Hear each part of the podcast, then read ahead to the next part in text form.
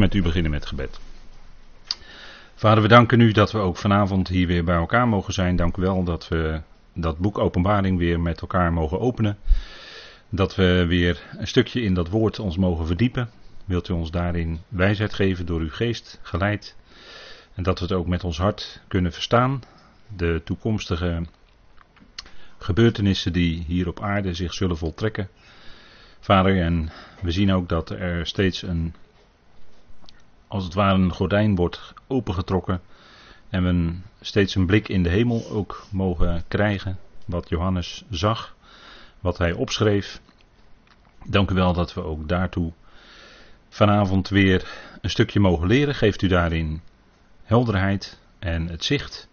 Dank u wel dat we in een boeiende tijd leven waarin veel aan de hand is.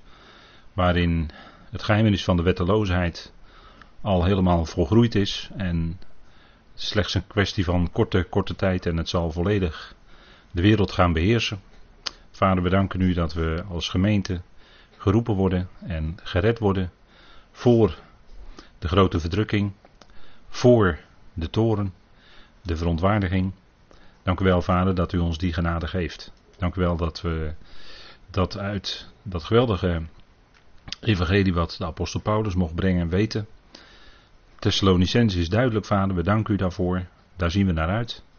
En we verwachten dat spoedig. We danken u, Heer, dat we zo ook vanavond hier met eh, weer een volle kamer bij elkaar mogen zijn. Geeft u dat we vreugde hebben met elkaar om dat woord te delen. En dank u wel dat het goed is om op te zien naar u en af te zien van onszelf. Dank u wel dat we genade ontvangen, Vader, ook vanavond in alle vrijheid om dit te kunnen doen. Vader, geeft u daarin uw rijke zegen, uw heerlijkheid. We danken u daarvoor in die machtige naam van uw geliefde Zoon. Amen. Goed, wij uh, gaan met elkaar lezen dan in het stukje wat nu aan de orde is. Dat is uh, Openbaring 12.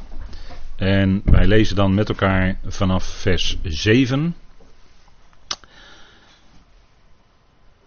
En dan gaat het over de strijd, staat daarboven in mijn Bijbel, tussen Michael met de draak. En er staat toen brak er oorlog uit in de hemel. Michael en zijn engelen voerden oorlog tegen de draak. Ook de draak en zijn engelen voerden oorlog. Maar ze waren niet sterk genoeg en hun plaats werd in de hemel niet meer gevonden. En de grote draak werd neergeworpen, de oude slang, die duivel en Satan genoemd wordt, die de hele wereld misleidt. Hij werd neergeworpen op de aarde en zijn engelen werden met hem neergeworpen. En ik hoorde een luide stem in de hemel zeggen: Nu is gekomen de zaligheid, de kracht en het koninkrijk van onze God en de macht van zijn Christus, want de aanklager van onze broeders, die hen dag en nacht aanklaagde voor onze God, is neergeworpen. En zij hebben hem overwonnen door het bloed van het lam en door het woord van hun getuigenis, en zij hebben hun leven niet lief gehad tot in de dood. Daarom verblijft u hemelen en u die daarin woont, en wee hun die de aarde en de zee bewonen, want de duivel is naar beneden gekomen, naar u toe, in grote woede, omdat hij weet dat hij nog maar weinig tijd heeft. En zodra de draak zag dat hij op de aarde was neergeworpen, ging hij de vrouw vervolgen die het mannelijke gebaard had.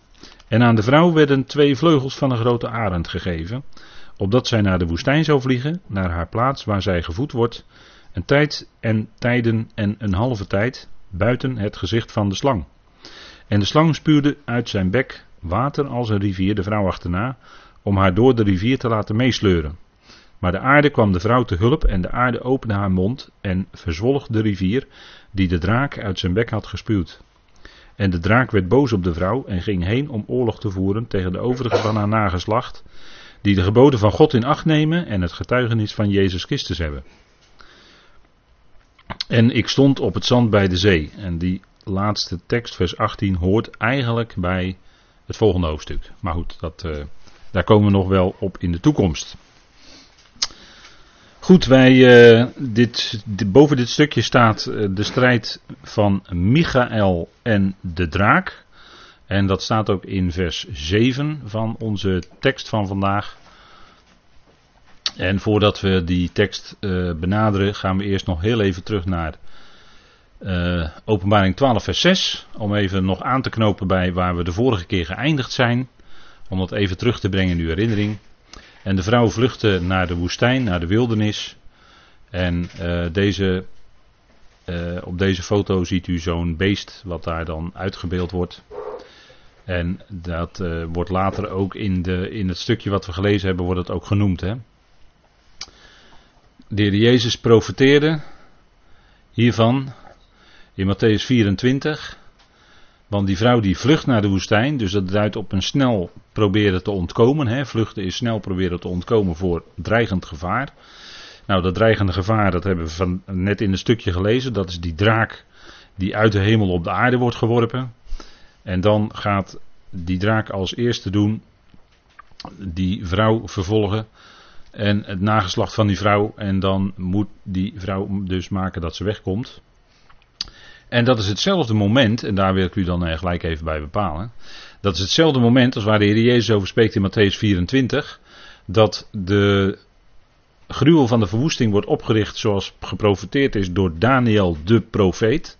Zegt hij daar, in Matthäus 24 vers 15.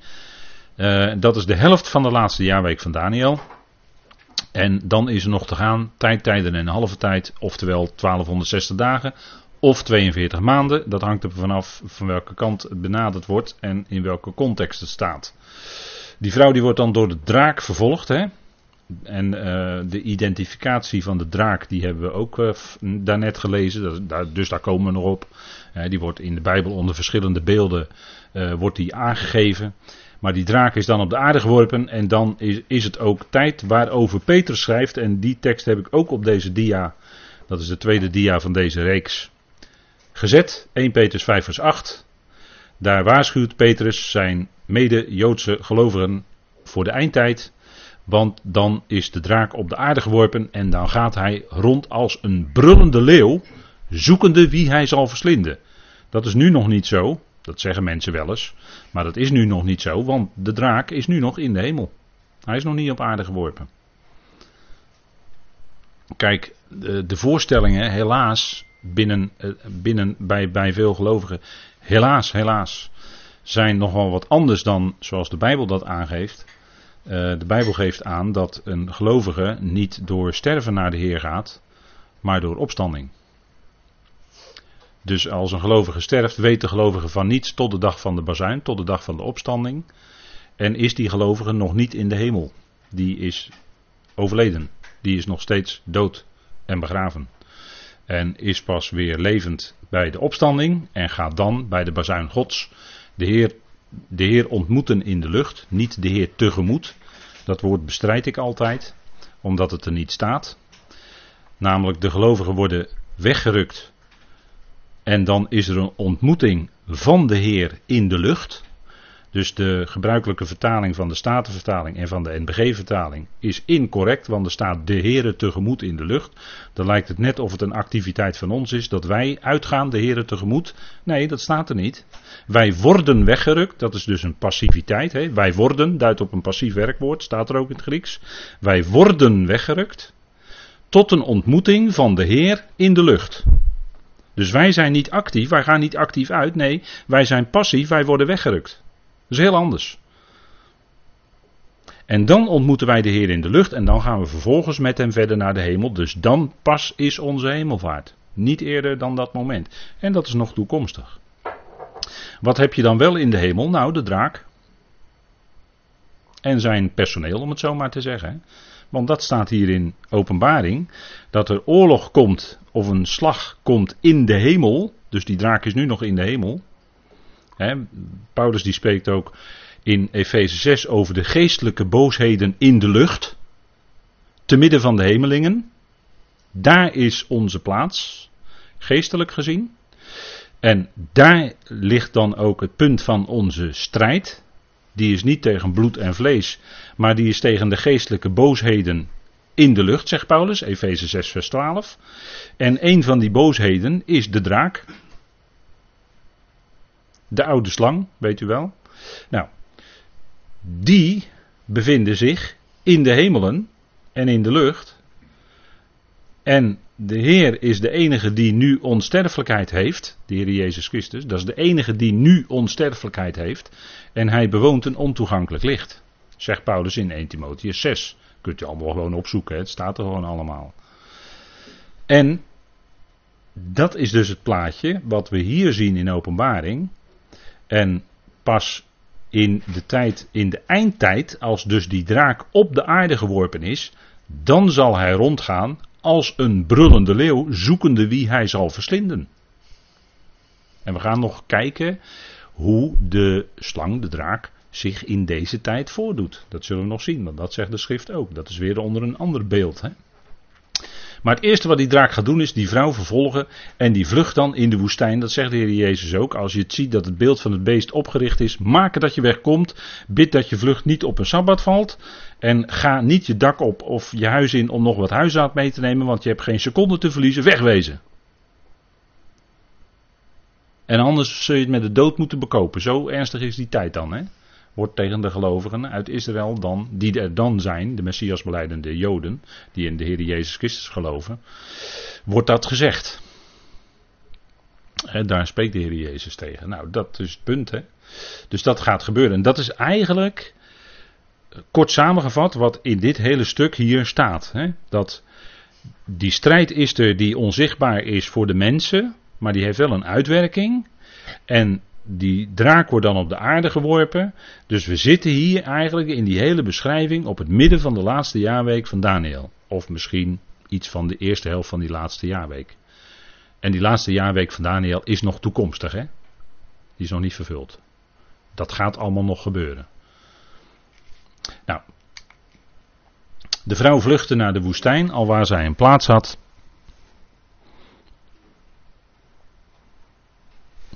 Haar van God bereid. De vrouw vluchtte naar de woestijn of de wildernis waar zij een plaats had. Veel uitleggers denken dat het Petra is, de rotsstad Petra in Jordanië. Een van de zeven wereldwonderen, hè? tot voor kort. Ik weet niet of het er nog bij hoort, misschien wel. Ik weet niet, die lijsten zullen ook wel wijzigen steeds. Maar uh, het is wel magnifiek hè? Uh, als je die foto's ervan ziet. Ik ben er zelf nooit geweest. Maar het is wel magnifiek hoor. Het is heel indrukwekkend als je dat daar allemaal ziet. Hè. Dat is dat gebied uh, Petra. Hè. Dat is een uh, vrouwelijk woord voor rots. Hè. Petros. Ik, dat zal je niet meer Petrus noemen, maar Petra. Of de, deze Petra zal ik mijn gemeente bouwen. Nou, dat zal in de eindtijd ook zo zijn. Hè. Die gemeente van. Die gemeente die de Heer daar bedoelt, waarvan de poorten van de Hades haar niet zullen overweldigen, die zal ook in, deel van die gemeente zal ook in Petra zijn, in Jordanië wat de, Heer Jezus zegt in Matthäus 16, dat is niet de gemeente het lichaam van Christus. Maar dat is de Joods-Christelijke Koninkrijksgemeente. Dus dat is een andere groep. daar horen wij niet bij. Maar die zal daar onder andere in Petra en Jordanië zich kunnen schuilhouden. Denken vele uitleggers. Uh, het, is, het wordt omschreven als een plaats in de woestijn of in de wildernis. Er zijn ook uitleggers die denken in de spelonken vlakbij Jeruzalem in de woestijn van Judea. Dat is ook een mogelijkheid. Dus ik geef het maar aan dat er dus diverse visies zijn. Hè? En dan zeg ik er altijd bij: onderzoek de schriften zelf en trek uw conclusie. Hè? Wees een bereer. Ga het na of het ook zo is en trek uw eigen conclusie. Want u moet niet mij geloven. Maar goed, de rest weet u hè, wat ik dan zeg. En de vrouw vluchtte dus naar de woestijn waar zij een plaats had. En dat is wel geweldig dat God voorziet. Hè, die door God gereed gemaakt is. Dat wordt in uh, Zacharia misschien aangeduid met uh, Azal. Maar Azal betekent, dat staat in Zacharia 14 uit mijn hoofd gezegd, maar dat betekent gereserveerd. Zo zou je het kunnen vertalen vanuit het Hebreeuws. Gereserveerd. Dus een plaats die door God gereserveerd is, die door God gereed gemaakt is. En waar dan dat gelovige overblijfsel van Israël zich zal kunnen schuilhouden. En op een of andere manier zal God dat dan dat volk dan verbergen. Hè? Want wij stellen dan allemaal vragen met onze moderne opsporingsmethoden en apparatuur die wij hebben, technologie, dat iedereen dan te traceren is. Nou, God die is machtiger dan al onze technologie natuurlijk. Dus die zal ervoor kunnen zorgen dat ze toch onzichtbaar zijn. Voor welke radar dan ook, hè, om het zo maar te zeggen. Dus uh, daar hoeven we ons echt geen zorgen over te maken. Het zal zo gaan zoals in de schrift staat. We hoeven ons geen zorgen te maken wat dat betreft.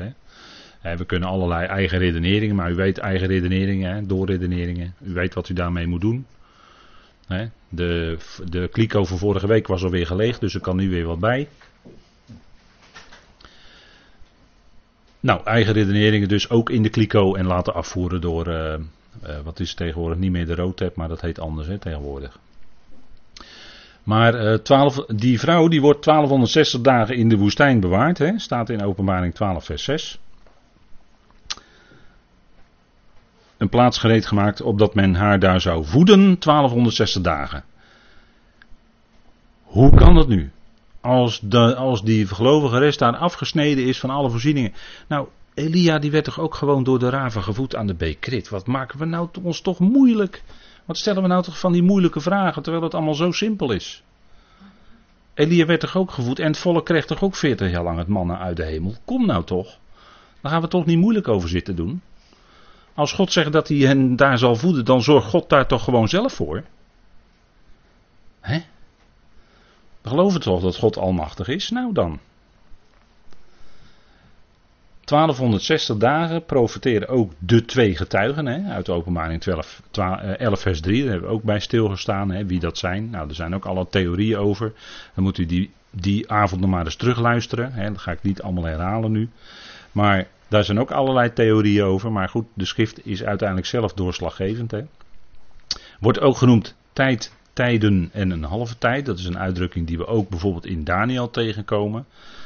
Eén tijd en tijden is dan in het Hebreeuws een tweevoud, dus een dualis en een halve tijd. Dus dan kom je ook aan 3,5, hè, 3,5 jaar. Als je uitgaat van een profetisch jaar van 360 dagen, dan is het uh, 3,5 jaar.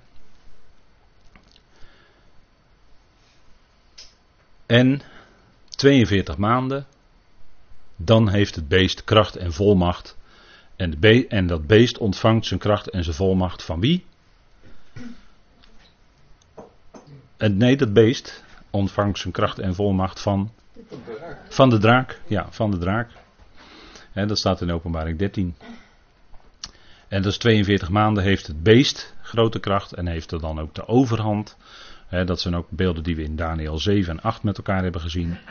Heeft het beest de overhand en 42 maanden heeft te maken, wordt dan zo genoemd omdat het te maken heeft met. Maan heeft te maken met de nacht, de duisternis, dat weet u.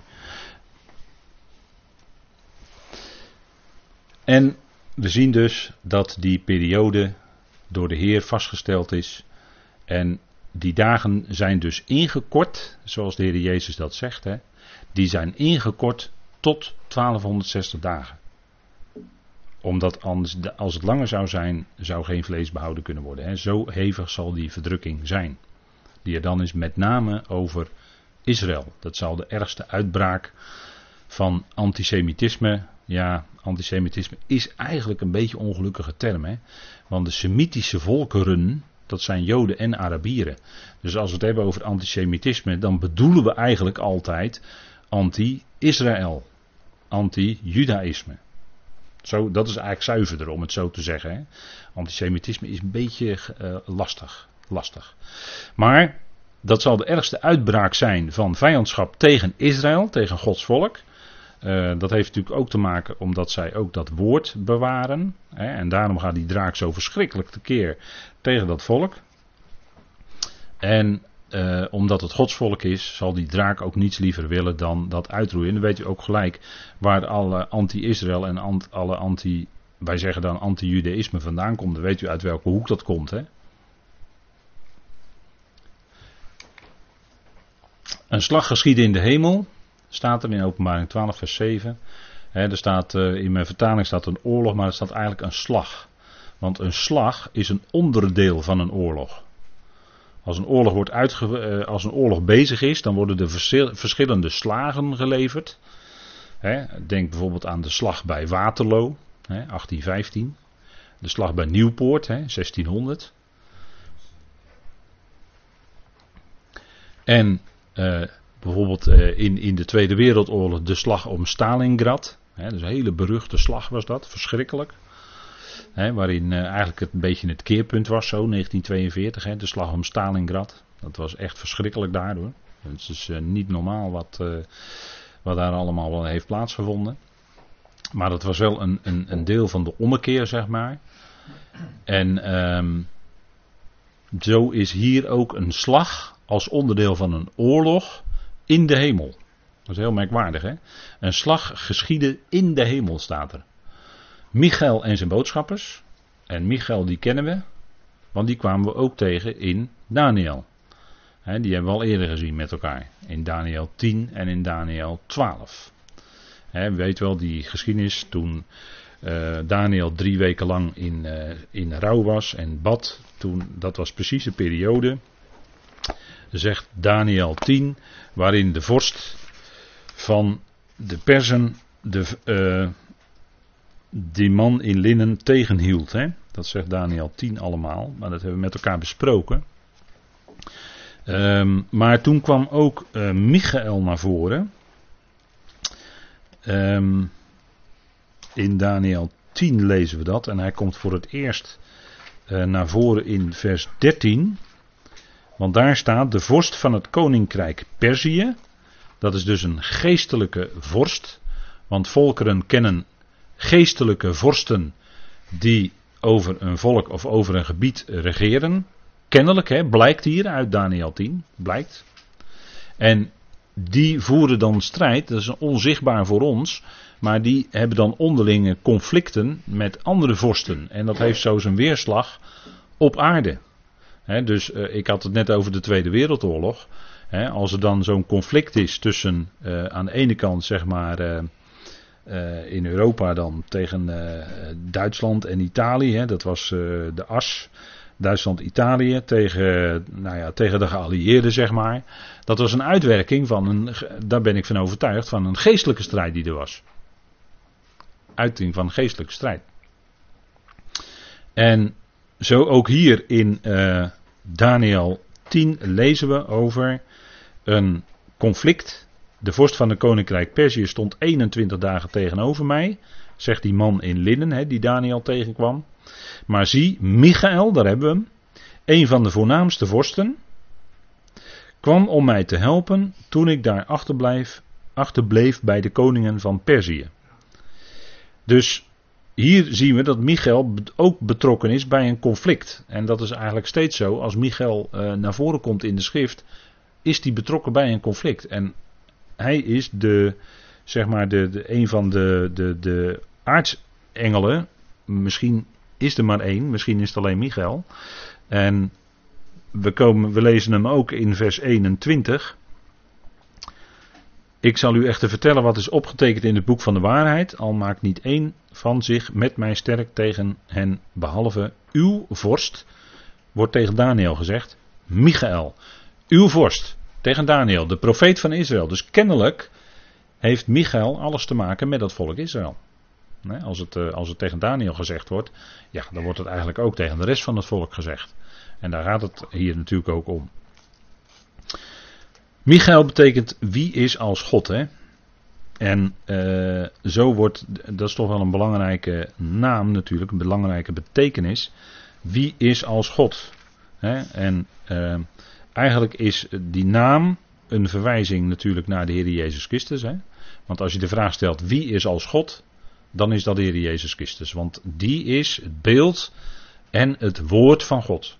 En in de studies Filippenzen gaan we daar natuurlijk, zijn we daar ook al heel uitgebreid op ingegaan. Wie is als God? Antwoord de Jezus Christus, allereerst. En Michael, die is een van de belangrijke uh, vorsten van de, van de boodschappers. En die mag dan in die strijd voor Israël pal staan, om het zo maar te zeggen. En dan gaan we even naar, om de derde tekst even op te zoeken waar Michael voorkomt. Dat is in Daniel 12, vers 1.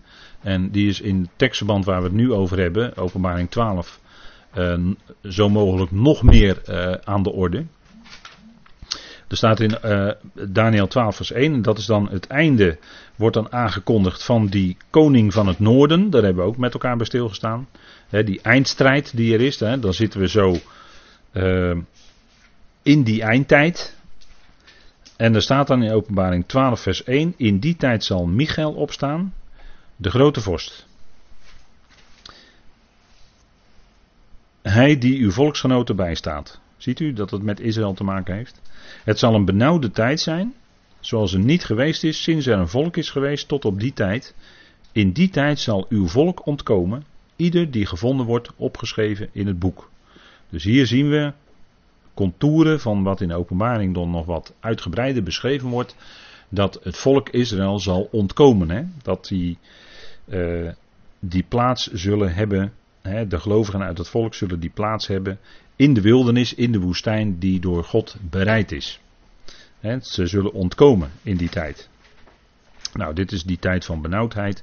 Dus het is uh, echt een duidelijke heenwijzing naar de tijd van grote verdrukking. De tweede helft van de laatste jaarweek. En nogmaals, de gemeente van het lichaam, die het lichaam van Christus is, die is voor de laatste jaarweek al weggerukt door de Heer en is al in de hemelen, te midden van de hemelingen. Goed, dat waren de teksten waarin Michael voorkwam.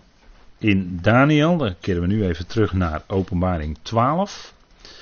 En we zien dus dat Michael en zijn boodschappers, hè, want uh, het uh, woord engel, dat is voor ons altijd, ja, dan denken we aan een lichtgevende figuur met vleugeltjes. Hè, zo wordt hij altijd in de afbeeldingen afgebeeld. Maar uh, vleugels, dat is, dan, is het, ja, dan is het of gerubs, dan hebben ze twee of vier vleugels, of eventueel serafs. Maar engelen niet. Er wordt niet van gezegd dat het vleugels zijn.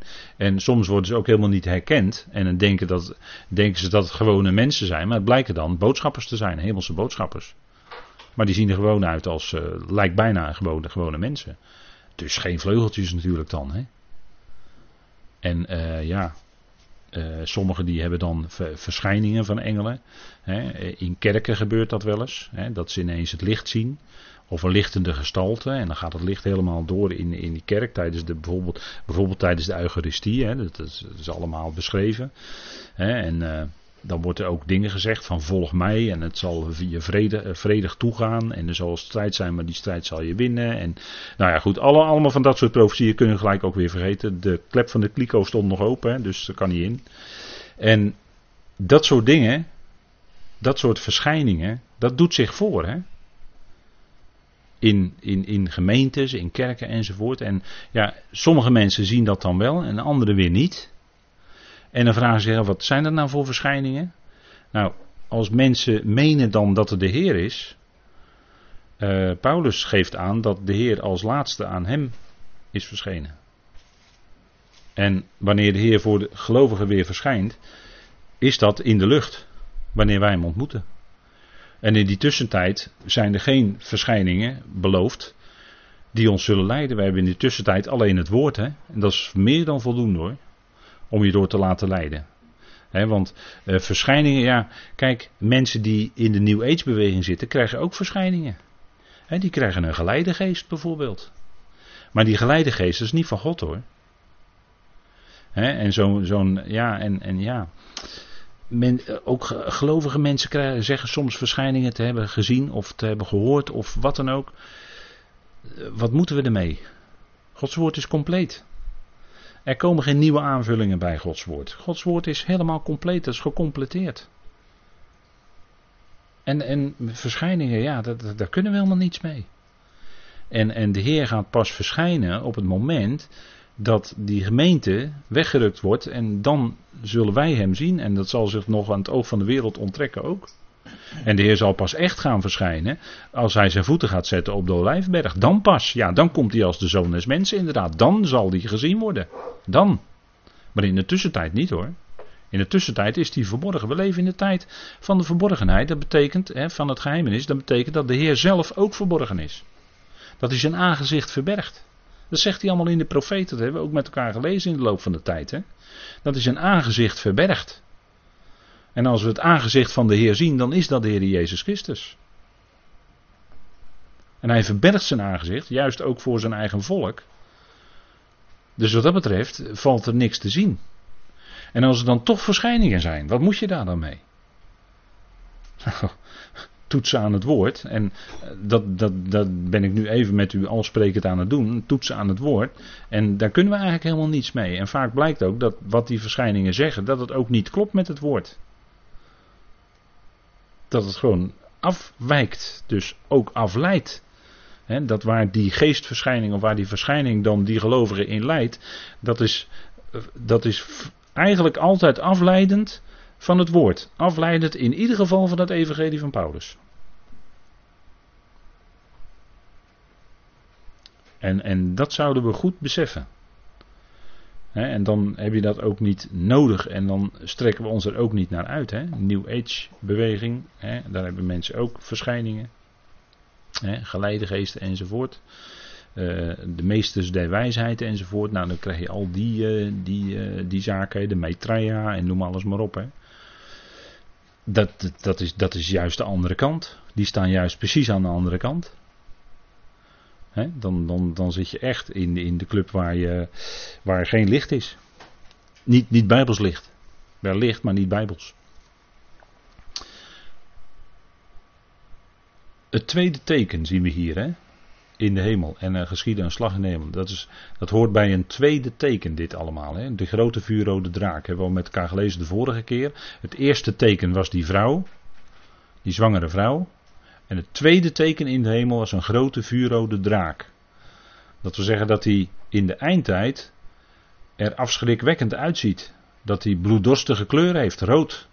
Dat zijn staart zich nogal hevig roert en een derde van de sterren meesleept.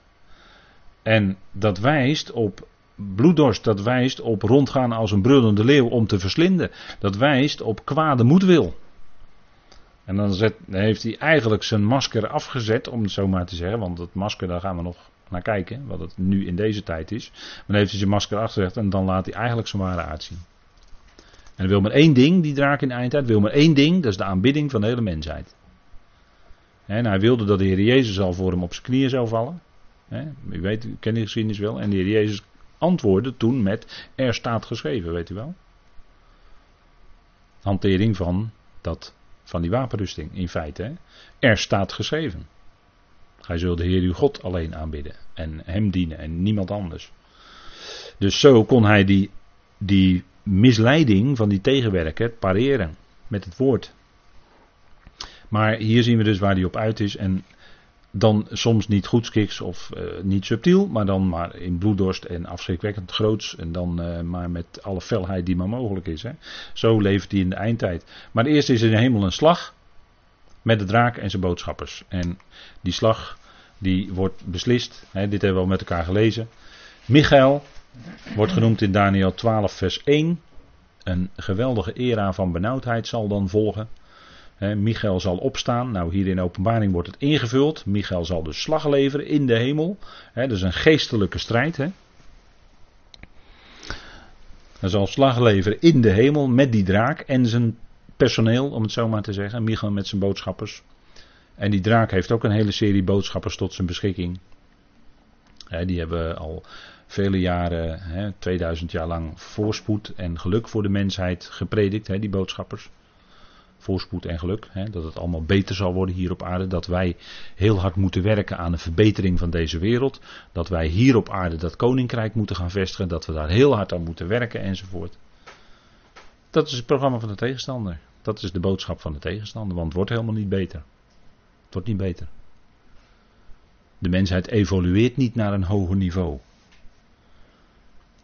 Peter Schelen heeft daar een geweldig boek over geschreven. Dat heet Degeneratie. Geen evolutie, maar degeneratie. Schrijver Peter Schelen. Achternaam met drie E's. En als u dat boek op de kop kunt tikken, dan raad ik u aan om dat eens te lezen. Want die laat zien dat er geen sprake is van evolutie, maar van degeneratie. Het wordt minder. Degeneratie is eigenlijk de betekenis van het Hebreeuwse woord Babel. Dat betekent letterlijk, dat geeft de concordante vertaling aan, desintegratie. Dat is hetzelfde als degeneratie. Dan gaat het uit elkaar vallen. Dat is als de verwarring, eh, ander woord wat populaire vertaling is altijd verwarring hè, bij Babel. Babel verwarring, spraakverwarring, is ook zo hoor.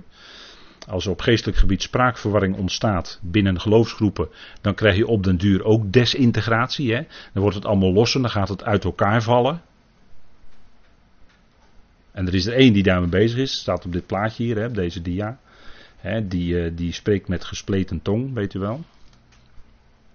Hè, die spreekt geen waarheid. Die spreekt met gespleten tong. Dan lijkt het net echt waar, maar het is niet. Hè, en dat zouden we heel goed beseffen hoor. Uh, kijk, de Heer zegt ook dat je geen twee dingen met elkaar kunt vermengen. Je kunt dus ook niet twee evangeliën met elkaar vermengen. Gaat niet. Gaat niet. Dan krijg je spraakverwarring, dan krijg je desintegratie onder gelovigen. En dat is wat natuurlijk al zo lang aan de hand is. Dat, daar is de tegenwerker steeds op uit. Hè, om gelovigen tegenover elkaar te zetten, tegen elkaar uit te spelen. Eh, noem maar op. En eh, daarvoor gebruikt hij natuurlijk die gespleten tong. Begrijpt u wel? De, de spreekwoordelijke gespleten tong. Dat uh, herinner je nog wel uit, uit misschien jeugdboeken.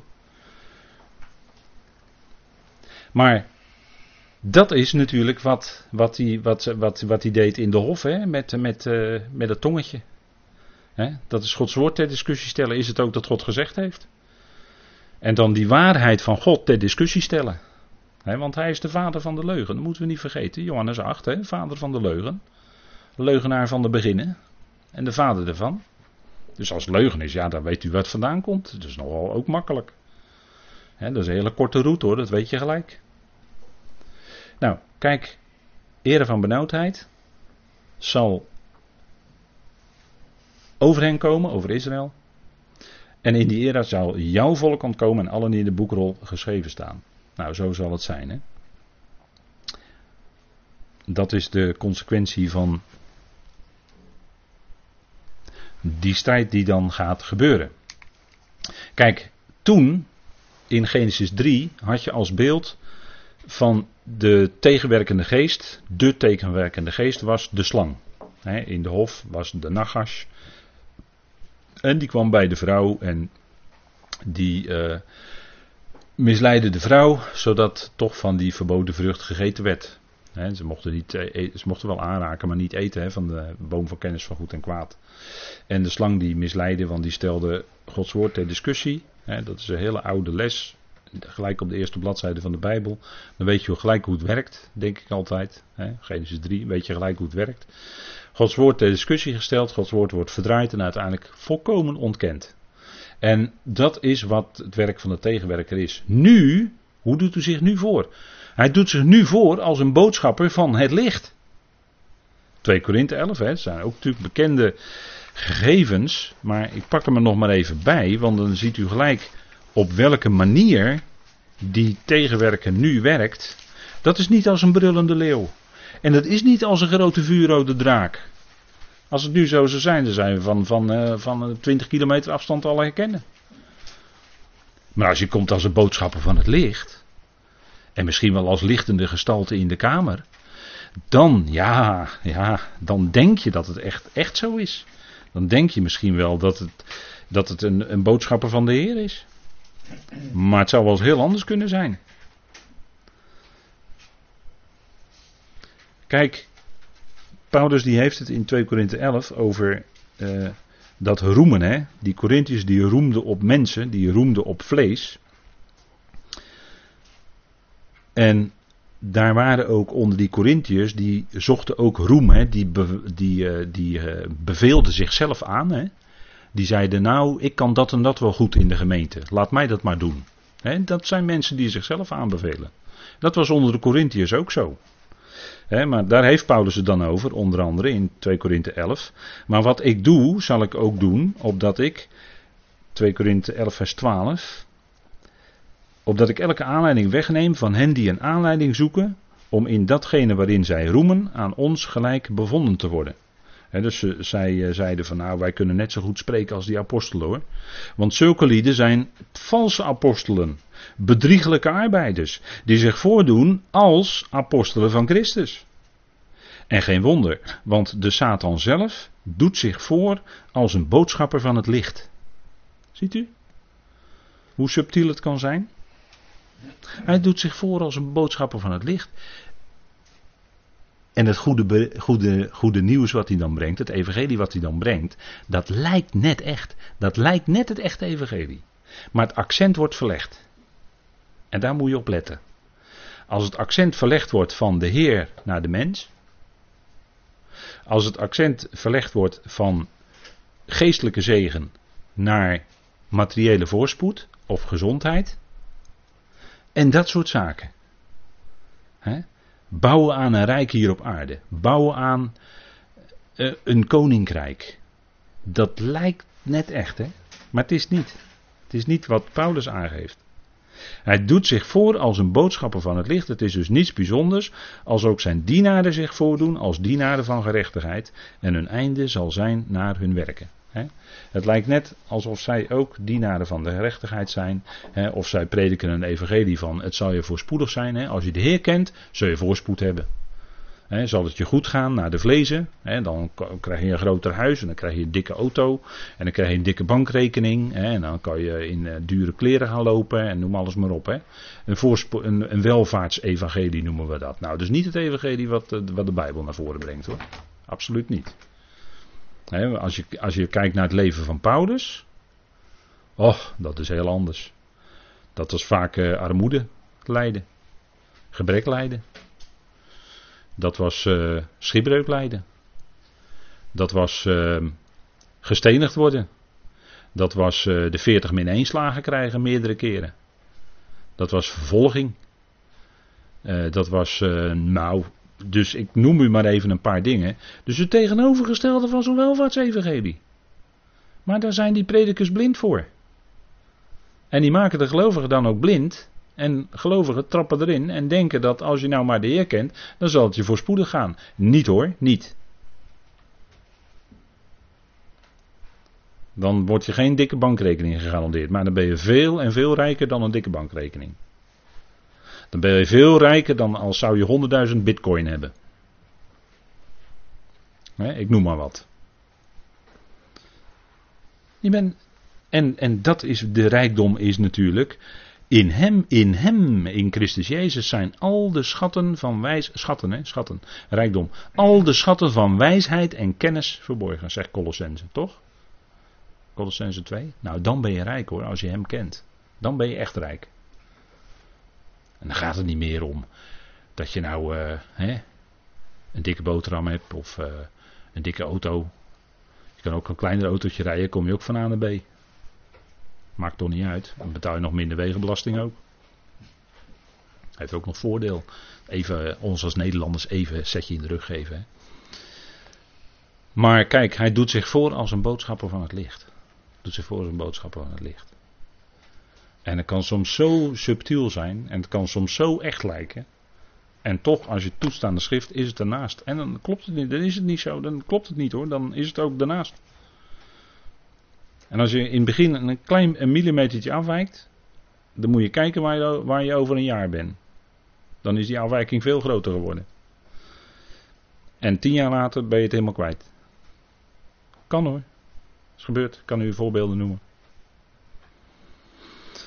En straks, dus zien we een hele andere gedaante. Nu als een boodschapper van het licht. Het lijkt net echt, maar het is niet. En, en u, moet, moet er maar eens goed die, die, die, bood, die boodschap die Paulus brengt in de gelaten brief moet u dan maar eens nog eens goed naluisteren of nalezen in de schrift. Wat Paulus daar allemaal zegt in de gelaten brief. Hoe er ook afgeweken wordt. Dat is ook, dat is ook tegenwerken, die komt als een boodschapper van het licht. Gaat die hele gelaten brief uiteindelijk ook over. wat, wat geldt in deze tijd is genade. Ja, dus niet de wet. Want genade is een veel hoger en belangrijker principe dan wet. De wet is tijdelijk erbij ingekomen, zegt Paulus, hè, Romeinen 5. Vers, uh, wat is het? Vers 11, 19, 11, 12. De wet is erbij ingekomen, dat was dus tijdelijk. Die heeft een begin gekend, maar dus ook een einde. Want het einde van het oude verbond was toen de Heer, ja eigenlijk toen Israël het verbrak, maar definitief was toen de Heer zelf stierf. Dat is het einde van het oude verbond. En nu is het wachten op het nieuwe verbond voor Israël. En dat komt nog. Dat is nog toekomstmuziek. Maar het oude verbond had te maken met de wetgeving op de Sinai. Dat was in feite de huwelijkssluiting. Ja? Maar daar heb ik wel eens kort geleden ook een andere, in een ander verband geloof ik over gehad. Dat, dat weet u wel. Maar dat zijn ook van die dingen hè, die, waar de tegenwerker graag mee werkt. Nou, en straks in de eindtijd doet hij zich voor als een draak. Dan is hij geworden een draak, een grote vuurrode draak. dat is natuurlijk een mythische figuur. Echte draken die in de lucht vliegen, dat bestaat natuurlijk helemaal niet. Maar dat is een mythische figuur. Dat kent u alleen van de tekeningen. En je hebt ook een groene draak. Dat trouwens hier in Nederland geloof ik ook. Hè? Iemand die heeft toch een groene draak. Die, vaart, die vaart daarin toch? Ja, hè? ja. Maar dat is een groene draak, hè? dat is geen rode draak. Dat is weer heel wat anders. Ja. Kost, kost nog wel wat, geloof ik, hè, die groene draak. Maar goed, laat maar. Uh, en doet zich ook dan voor als een brullende leeuw. Hè, een brullende leeuw in de eindtijd. Zoekende wie hij zal verslinden. En dan, doet hij, dan, dan is zijn ware aard komt naar voren. Want hij eist gewoon de aanbidding van heel die mensheid. Die wil hij hebben. Hij wil de grote concurrent zijn van de Heer Jezus Christus. En die plek als liefst innemen. Vandaar dat er ook een antichrist zal zijn. Hè, in plaats van Christus. Er zijn vele antichristen al geweest, velen die zich al in de plaats van Christus hebben gesteld, maar de antichrist moet nog komen. Zegt Johannes, hè? 1 Johannes 4. En de geest van de antichrist, wat doet hij? Die ontkent dat Jezus de zoon van God is, die ontkent dat Jezus in het vlees gekomen is. Dat is de geest van antichrist. Heb je toetsteen? Heb je toetsteen? Dan wordt het allemaal gnostisch. Dan wordt het allemaal schimmig. Dan kun je het niet meer pakken. Hè, Nico? En dan, wordt, dan zit je er echt naast hoor. Dan ben je het echt ook kwijt. Dan ben je het echt kwijt. Hè, Terlinde bedoelde ik, ja. Maar, kijk, dat is ook, hè, dat is er ook naast dat zijn mooie zalvende woorden in prachtig, uh, in prachtig uh, accentloos Nederlands gesproken, met dure woorden, mooie volzinnen, ongelooflijk gestudeerd en ze zitten ernaast. Ze zitten ernaast. Ze brengen geen evangelie. Zijn de Sadduceeën van deze tijd? Geloven niet in de opstanding? Nee, nee, dat kan niet. Nee. Geloof niet in de opstanding hoor. Klinkt toch bekend in de oren. Hè? Brief van Paulus komt dat ook voor. Hè? Mensen die niet geloven in de opstanding. Maar goed. Um, voordat we hier te lang bij stilstaan. Maar ik wilde toch een aantal facetjes laten horen van verschillende gedaanten. Verschillende manieren waarop die tegenwerker omschreven wordt. Want het is de tegenwerker van God. Het is de Satan, de tegenstander. Hè? Satan is een Hebreeuws woord, dat betekent tegenstander. Diabolos is de dooreenwerpen, dat is het Griekse woord, dat betekent uh, tegenwerker of dooreenwerpen. Hè? Diabolos is een afleiding van twee verschillende Griekse woorden. Voorzetsel dia betekent door of doorheen. En ballos Diabolos komt van het Griekse werkwoord ballo, dat betekent werpen. Dus door elkaar werpen. Dat is precies wat dat tegenwerker doet. Die gooit alles door elkaar zodat je niet meer weet hoe het zit. En dan ben je in verwarring gekomen, Babel. En dan raak je het kwijt en dan komt de desintegratie. Dus je ziet, het is een heel, heel simpel optelsommetje, kan je maken. He, 1 plus 1 is 2 of 1 plus 1 plus 1 is 3. Kan je ook zeggen. Maar zo, zo werkt hij. Hè? Dat, ik, ik, ik vertel u dat om nog even in vogelvlucht te laten horen opnieuw hoe die bezig is, hoe die werkt. En dan kun je het onderkennen.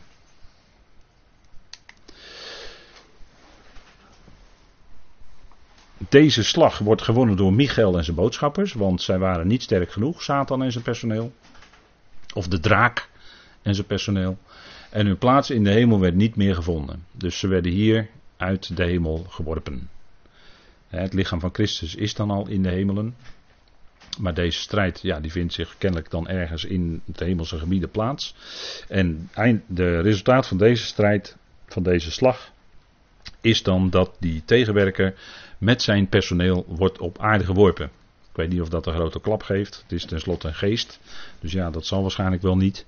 Maar in ieder geval uh, denken ze in de hemel allemaal opgeruimd tot netjes. En dat is ook zo dan. Hè? Dat is uh, eventjes de bezem erdoor. Dat is wel nodig soms. Hè? En die draak, waar komt hij dan terecht? Ja, als hij uit de hemel geworpen wordt, dan wordt hij op de aarde geworpen hoor. Dan komt hij echt op aarde terecht. Dat kan niet anders. Als je uit de hemel geworpen wordt, dan kom je op aarde terecht. Je kan er niet. Uh, je, gaat er, je scheert er dan niet langs, kennelijk. En dan, dan vloep je niet het oneindige heelal in, dat je net langs de aarde scheert. Kennelijk, kennelijk kan dat niet, volgens de Bijbel. Maar goed, we gaan vanavond ook niet over een Bijbels wereldbeeld uh, al te diep uh, spreken met elkaar. Maar in ieder geval wordt hij uit de hemel op de aarde geworpen, dat wel. Dus kennelijk als je uit de hemel wordt geworpen, dan kom je op aarde. En de grote draak staat er dan, werd geworpen, de oude slang uit de hof. Hè, van wie we die methodes na eh, 1200, 1300 bladzijden in de Bijbel zo langzamerhand wel moeten kennen. Die de duivel, de diabolos, en Satan, dat is het Hebreeuwse woord tegenstander, genoemd wordt, die de hele bewoonde aarde misleidt. Er staat niet letterlijk het woord ge hier in het Grieks, dat is aarde namelijk, maar hier staat oikumene, dat is wel grappig. De duivel wordt op aarde geworpen en daar is de oikumene, de, nee de oikumene is daar. Dat is, vind ik toch wel aardig dit, vind ik toch wel aardig. u weet wel samen op weg, dat conciliaire proces, weet u nog? Conciliair proces. Naar kerken. Conciliair proces, weet u nog? Die uitdrukking kent u nog wel? Ja, sommigen wel. Ik zie hier sommigen knikken, die herkennen het. dat die kerken bij elkaar kwamen en dat, dat leidde. Ik noem die datum nog maar een keer op 1 mei. 1 mei 2004 leidde tot het officieel samengaan van die kerken. Hè. Dus we hebben nu de PKN, die leegstroomt. Helaas. Maar die stroomt leeg. Ledental gaat heel hard, loopt dat achteruit. En daarom moeten ze allemaal gebouwen afstoten. Kostenoverwegingen. Nou, dat lees je gewoon allemaal in de christelijke pers. Maar kijk, ik heb ook bij Filippenzen gezegd. Als in begin jaren 80 een rapport voor het schriftgezag verschijnt. Binnen de gereformeerde kerken, God met ons. En daarin laat je het waarheidsbegrip los. En zeg je dus eigenlijk dat er geen waarheid meer is dan moet je niet gek opkijken dat je ruim 30 jaar later zit met leeglopende kerken. Dat verband wil ik wel leggen hoor. We hebben het nu over de tegenstander hè, vanavond, bijna de hele avond, hè, over de tegenwerker. Dus ja, dat, dat zijn wel dingen die dan zo een rol spelen. en daarom ben ik ook af en toe best wel een beetje scherp. Dat besef ik wel, maar dat komt omdat we hier dus met die tegenstander te maken en dan moeten we ook scherp zijn dan zul je de schrift echt nodig hebben. want uh, kijk, wat, wat die doet is misleiden. Dat staat hier ook. He. Het begon in Genesis 3 al, he, de oude slang. Wat deed hij? Eva misleiden. De mens. Adam ging mee. Misleiden dus. Misleiden. Heeft met woord van God te maken. En wat zien we in, de, in de laatste dagen? Zegt Paulus in 1 Timotheus 4 dat mensen zullen afstand nemen van het geloof. Hè? Er staat allemaal afval in, in, het, in uw vertaling, maar er staat eigenlijk apostasis. Dat betekent afstand nemen van het geloof. Dus ook van de schrift. Dat is die misleiding. Misleidende geesten heeft Paulus het over. Dat die in de laatste dagen zullen zijn. Nou, we leven in het laatste van de laatste dagen. Dus, dus de, de, misleidende geesten die, die, zijn het, die hebben de overhand. Ja, dat blijkt. Kerken lopen leeg. Men neemt afstand van het geloof. Paulus was niet zo positief hoor over de eindtijd. Paulus voorspelde geen opwekking. Paulus voorspelde dat mensen zouden afstand nemen van het geloof. En dat is wat je ook ziet gebeuren. Inderdaad, ja, dat zie je gebeuren. Ja. En dat is het werk van de tegenstander. Dat is misleiden. Misleidende geesten. Dan doet hij de mensen, letterlijk is het woord dwalen, hè? dan doet hij de mensen dwalen. Ze dwalen af van de waarheid. Dat is het werk van de tegenstander in onze tijd. Dus dat is altijd zijn werk, om mensen te doen dwalen. Weg bij dat woord van God. Er iets anders voor in de plaats. Hoe, hoe mooi ook uh, het allemaal wordt voorgesteld. Maar het is wel in plaats van het woord van God hoor. En dan heeft hij zijn zin wel. Dan is hij klaar met zijn werk. Mensen afbrengen en op een ander standpunt zetten. Nou, dat is precies, dat is altijd zijn. zijn hè, daar gebruikt hij allerlei methodes voor. De hele bewoonde aarde misleidt hij. En hij werd geworpen in de aarde. En diens boodschappers werden met die geworpen. Dus die draak, die wordt geworpen daar. En daar spreekt de Heer Jezus over in Lucas 10, vers 18. Dat hij zei: Ik zag de Satan uit de hemel vallen als een bliksem. Dat had de Heer natuurlijk in een visioen gezien. Daarom zegt hij dat, hè, Lucas 10 vers 18. Ik zag de Satan uit de hemel vallen als een bliksem. Dat was niet uh, in een ver verleden, nee, dat is, is toekomst. Dan zal hij uit de hemel vallen als een bliksem. Hè.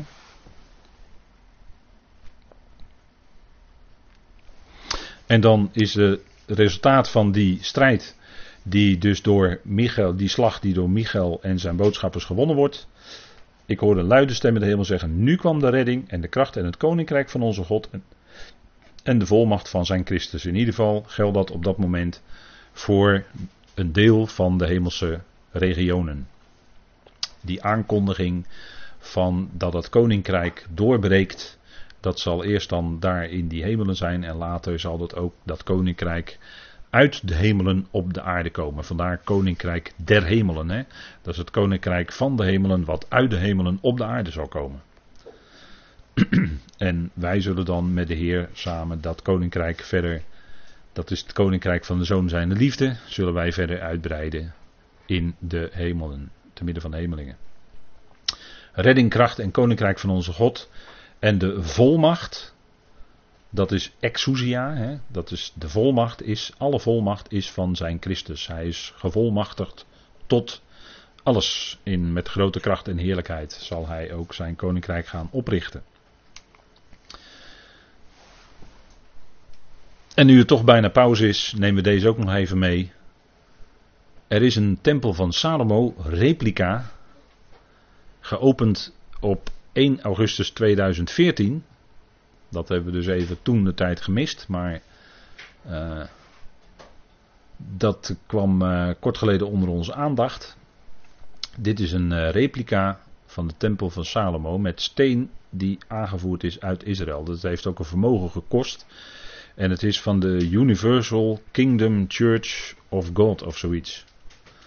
En dat is een hele rijke uh, Braziliaan. Die heeft hier uh, geld voor. En die wordt daar bisschop genoemd. En die heeft heel veel geld. En die heeft dat hierin geïnvesteerd. En die heeft die tempel laten oprichten. Dus het is echt een stenen tempel. Heeft ook in de kranten gestaan. U kunt het zo, eh, als u even googelt, dan vindt u dat zo terug in krantenberichten. Ook met fotomateriaal. En kunt u dat zo terugvinden. Maar die bestaat dus al sinds. Officiële opening was 1 augustus 2014. Ik weet niet meer, het heeft vermogen gekost, dit gebouw. Echt. Het is ook een groot hoor, het is een niet uh, officiële afmeting. Het is zelfs groter dan de originele tempel van Salomo. De, maar goed, uh, in ieder geval is het toch heel opmerkelijk.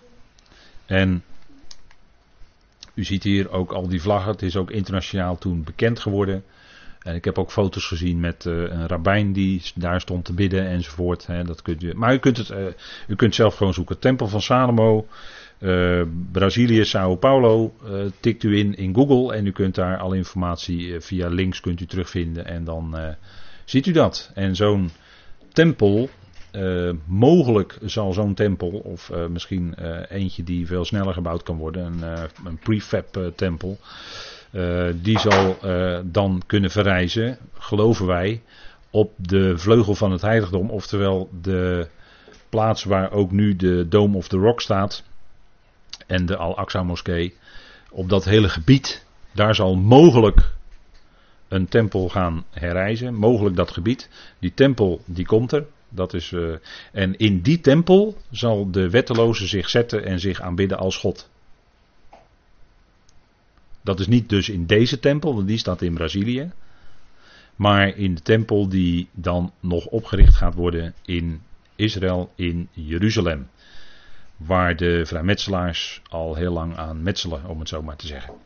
Ja, laat ik het maar even heel vriendelijk zeggen. En dat is waar ook andere uh, genootschappen en zo naartoe werken. Die tempel van Salomo. Hè.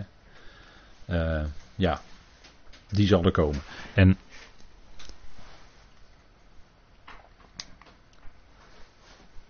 Nou, u ziet wat voor een. Uh, het, is, het is echt een enorm gebouw hoor. Het is indrukwekkend. Ja, het is een indrukwekkend gebouw. En um, om even aan te geven dat er dus al zo'n replica. Maar dat is natuurlijk een beetje grootheids uh, van die bisschop. Die uh, heel, veel, heel, veel centjes had. Heeft. Um, maar goed, zo'n tempel zal er ook komen. En ja, die, eh, die wetteloze zal zich in de tempel van God gaan zetten om zich te aanbidden dat hij God is. om zich te laten aanbidden. Het beest, de wetteloze. Die dan eh, een verschrikkelijke dictatuur zal inluiden. Dat ieder die daar niet aan meedoet en niet dat teken op het voorhoofd ontvangt, het embleem van het beest, die zal gedood worden. Die niet meedoet aan die aanbidding. Hè. De, de geschiedenis van Nebukadnezar met dat, met dat beeld was daar natuurlijk een, voor, een voorbode van, hè, een profetische voorgeschiedenis van. Hè, toen uh, Daniel en zijn vrienden in die hete oven werden geworpen, daarin bewaard werden. Maar die bogen dus niet voor dat beeld. En die werden dus, eigenlijk kregen ze de doodstraf. Doordat ze in, de, in die vurige oven werden geworpen. Dat is een prelude op wat in de eindtijd gaat gebeuren. Dan zal het volk uh, Israël zal, uh, natuurlijk vervolgd worden tot en met. Die zullen natuurlijk niet willen buigen, want die willen alleen maar buigen voor hun eigen hun eigen God, maar uh, dan zullen ze, dat zal op, op straffen van de dood zijn. Dat zal gebeuren waarschijnlijk door de guillotine. Ja. En zegt u, ja, maar dat had je, dat had je in de Franse Revolutie. Precies, ja. Ja, toen had je dat ook. Ja. Is het democratie? Ja, die, uh, ja. Dat is democratie. Democratie dat betekent uh, de macht aan het volk. Hè? Demos kratos is de macht aan het volk. Ja, we worden ons allemaal uh, mooie worsten voor de ogen gehouden. Hè? Maar, en daar happen we dan in. Maar democratie, dat weet u, dat bestaat niet. Hè? Dat bestaat niet. Nou, u mag één keer in de vier jaar mag u uw stem uitbrengen. En dan komt er na 200 of 300 dagen komt weer een kabinet tot stand. En die mag dan vier, vier jaar lang weer gaan regeren. En die vier jaar lang heeft u geen enkele inspraak hoor op alle beslissingen. Niks. Dat is democratie. Niet, niet hè, dat is geen democratie. Democratie bestaat helemaal niet natuurlijk. Maar kijk, die Franse revolutie, die luidde in ook gelijkheid. Maar gelijkheid bestaat natuurlijk helemaal niet. Dat is ook een fabeltje. Want er is altijd een elite die is gelijker dan de rest. Begrijpt u? Dat weet u toch? Dat is toch communisme? Iedereen gelijk. En er is een rijke elite. Fidel Castro die baden in weelde. Fidel Castro. Die baden in weelde. Denkt u erom? Dat was na de, de gevolg van de prediking van Che Guevara. He, die predikte toch ook de revolutie daar in Zuid-Amerika. En zo, gaat het, zo is het altijd. De top, de top uh, die, die baat in weelde hoor. Denkt, zo werkt het. Dat is communisme. Ja. Maar dat, dat weet u natuurlijk allemaal wel. Ik vertel u natuurlijk niks nieuws. He, maar uh, ja, dat is. En de Franse Revolutie was daar een eerste aanzet toe. He, dan, dan kun je zien, he, dat was een blauwdruk van alle andere revoluties die daarna kwamen. En het kenmerk is van die revoluties dat ze altijd verschrikkelijk bloedig waren. Al die revoluties, hè, gaat maar na. Hè, in 1917 is bijna, bijna exact 100 jaar geleden hè, nu. 1917, de Oktoberrevolutie in, uh, in uh, Rusland, weet u wel. Dat wordt ook genoemd de Rode Symfonie. En dat heeft natuurlijk verschrikkelijk veel doden gekost. Hè? En ga, gaat u maar zoeken wat daar, wat daar uiteindelijk achter zat. Dat is gewoon een vervolg op de Franse Revolutie van 1789. He, dat, en dat, dat gaat dan maar door. He. De, de, de, uiteindelijke revolutie krijgen we nog. Want men wil toch die grote wereldstaat inrichten. Dus er moet nog een enorme revolutie komen. Dat, dat, dat staat de wereld nog te wachten hoor. He, is ja. Wat dat betreft. Maar wij kijken gelukkig daar overheen. Wij weten de uitkomsten van dat de Heer Jezus Christus, dat is het boek Openbaring, die wordt daarin onthuld. En die zal zijn koninkrijk vestigen. En die grote steen die zal gaan rollen hoor, van Daniel 2 vers 44. Die gaat echt wel rollen. En die zal heel dat beest, dat beeld, heel dat beest aan gruzelementen, tot en met de tenen aan toe, gaat helemaal gaat het eraan. Het wordt helemaal verpulverd. Door die grote steen. Dat is een beeld van de Heer die komt en zijn koninkrijk opricht. En dan zal een koninkrijk opgericht worden wat niet meer teniet gedaan zal worden. Nou, dat is Daniel. Maar dat hebben we al besproken met elkaar. Maar dat is wel toekomstmuziek hè, voor de volkeren ook. Israël zal straks staan aan de spits van de volkeren. Zij zullen het licht van de wereld zijn. En dat licht van het woord van God verspreiden. Hè, zo zal het zijn in de komende tijden. En dat is allemaal nog toekomstmuziek, maar daar kijken we naar uit hè, met, uh, met rijkhalsend verlangen dat dat gaat komen. En dan zal, het, dan zal het ook een tijd van verademing zijn. Hè. Dan zal de vervallen hut van David opgebouwd worden. Noem alles maar op wat in de profetieën staat. Goed, ik denk dat het goed is om even wat koffie te gaan drinken. Kunnen jullie dit verwerken? Ja.